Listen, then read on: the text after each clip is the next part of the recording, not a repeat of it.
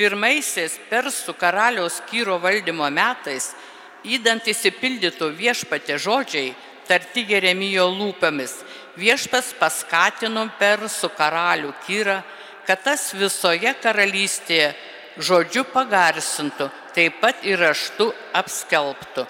Štai ką byloja persų karalius Kyras. Visas pasaulio karalystės man atidavė viešpats, dangaus Dievas Jisai man liepė, kad judok Jeruzalėje, aš jam namus pastatyčiau. Tad kas tik iš jūsų priklauso jo tautai, tiesie su kiekvienu jo Dievas, te vyksta judo Jeruzalėje ir te stato namus viešpačiui, Izraelio Dievui. Jisai Jeruzalėje gyvenantis Dievas, kiekvieną išlikusi, kur nors kaip ateiviai gyvenanti, vietiniai žmonės privalo paremti sidabru, auksu ir kitokiu kilnuojamu turtu, bei galvijais, neskaitant savanoriško aukų, Jeruzalėje gyvenančio Dievo namams pastatyti. Tuomet pasikėlė Judo ir Benjamino šeimynų galvos, taip pat kunigai ir levitai, visi, kurių dvasia paskatino Dievas ir iškeliavo statyti Jeruzalėje gyvenančio Dievo namų.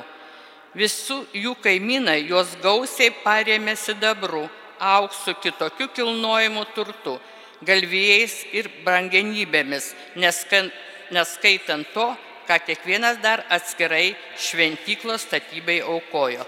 Tai Dievo žodis. Dėkojame Dievui.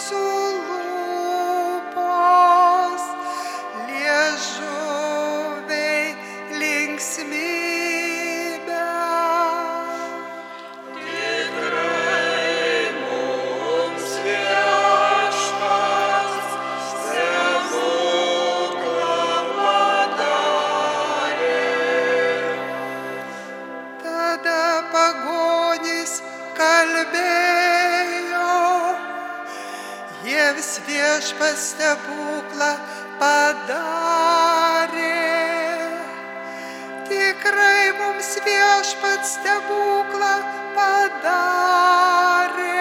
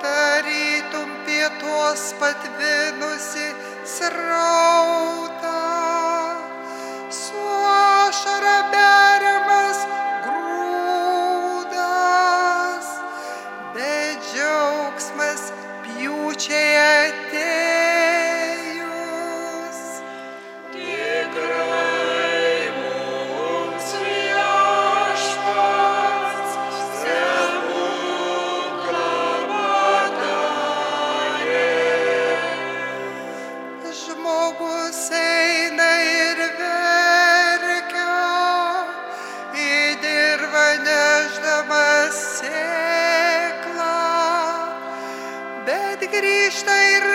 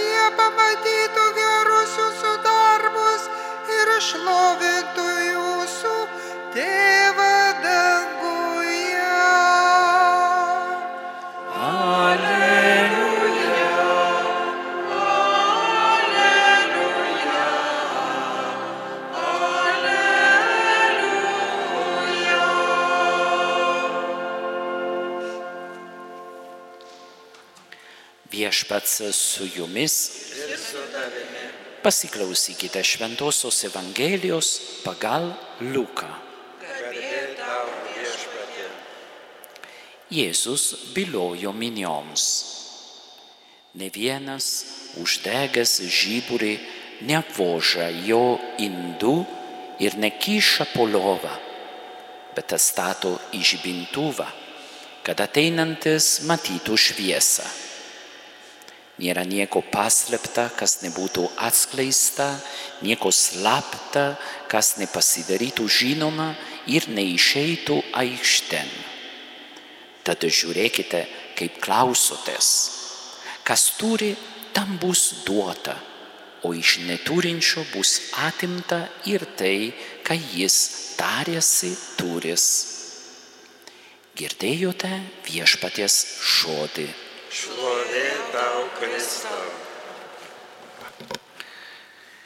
Kada girdime, kad nieko nėra paslėpta, kas nebūtų atskleista, iš karto galima galvoti klaidingai, kad tarsi Dievas užsimena plėtkininkės darbą. Tarsi kiekvienas mūsų turi savo privatumą, o Dievas gauna malonumą atskleisti tą mūsų privatumą viešai. Taip nėra. Čia yra tipiškiausias pavyzdys, kada išėmėme frazę iš šventojo rašto, iš konteksto ir priskiriame vieną ar kitokią prasme. Klaidingai taip nedaroma. Iš tikrųjų, Jėzus nori pasakyti, kad Dievas ir per jį jo žodis yra didžiausias turtas, kurį mes pasiekėme. Ir negalima laikyti Dievą, tikėjimą, paslėptus, tarsi yra mūsų asmeninis reikalas. Ir tada čia jau tampa aktualesnė problema. Kai matome aplinkui tiek daug anoniminių katalikų, kurie tiki, bet tiki slapta, neviešai. Ir čia nekalbu apie demonstruoti provokatoriškai savo tikėjimą, ne? įžuliai, davatiškai, kad mes, krikščionys, darysime kryžiaus žygį. Čia mes nekalbame apie tai. Kalbame, ar mūsų gyvenime atsispindi išoriškai, kad mes esame Dievo vaikai, ar atsispindi, kad mes nešame pasauliui šviesą. Nes būtent apie tai kalba Jėzus šiandien. Esame kaip šviestuvas, kuris yra padėta į viršų, kad apšviestų aplinkui, o ne po lovos arba inde. Ir tada ta šviesa tariamai būtų vis tiek, nebūtų matoma nuo nieko. Ir dabar, mastant apie šios dienos Evangeliją, aš galvojau, kas atsitinka, kada mes paėmėme žvakę ir uždarome, pavyzdžiui, indę. Atsakymas yra užsigesina. Ir tada kas lieka iš tos šviesos ir iš tos žvakės? Atsakymas - dūmai, smarvė, bet ne šviesa. Yra, yra pavojus, kad atsitiktų ir tikinčiajam, kad jis yra įsitikinęs, kad kadangi tiki į Dievą, kad Dievas egzistuoja, vietoj šviesti skleidžia dūmus. Yra posakis italų kalba daug dūmų, bet mažai iškeptos mėsos. Kada per daug šnekame, per daug kalbame, per daug, nu, bet trūksta esmės. Ir tikėjimo esmė kokia yra? Būti vienybėje su Jėzumi ir eiti į pasaulį kartu su juo. Ir jeigu esu tas šviestuvas ir ta švakė, kurie eina į pasaulį su Jėzumi, ar mažai, ar daug, priklausomai nuo galimybių, nuo situacijų, nuo aplinkybių, aš tikrai skleisiu šviesą. Ir visiškai nesvarbu, ar aš skleisiu šviesą tūkstančiams žmonėms viešai ar privačiai šeimoje. Svarbiausia yra, kad aš atnešiu tą šviesą, o ne dūmų. O kas atsitinka, kada mes prisiartiname per daug prie dūmų? Pradedam verkti, pradedam dūsti ir darosi labai nemalonu. Ir tada gali atsitikti, kad krikščionis su gera mintim, su gera intencija prieina prie žmonių ir vietoj liūdyti Kristų, vietoj atnešti tą šviesą, tie žmonės verkia, dusta. Ir ne tik tai nenori prieiti prie Kristaus, bet nenori girdėti apie jį. Tada, broliai seserys, suprantame, kad didelė atsakomybė tas tikėjimas yra ne lobis, kurį užrakiname po devinių užraktų seife ir laikome savo, kad naudotumėm, kada bus tas paskutinis momentas Dievo teisme, ištrauksime kortelę, aš priklausau. Ne.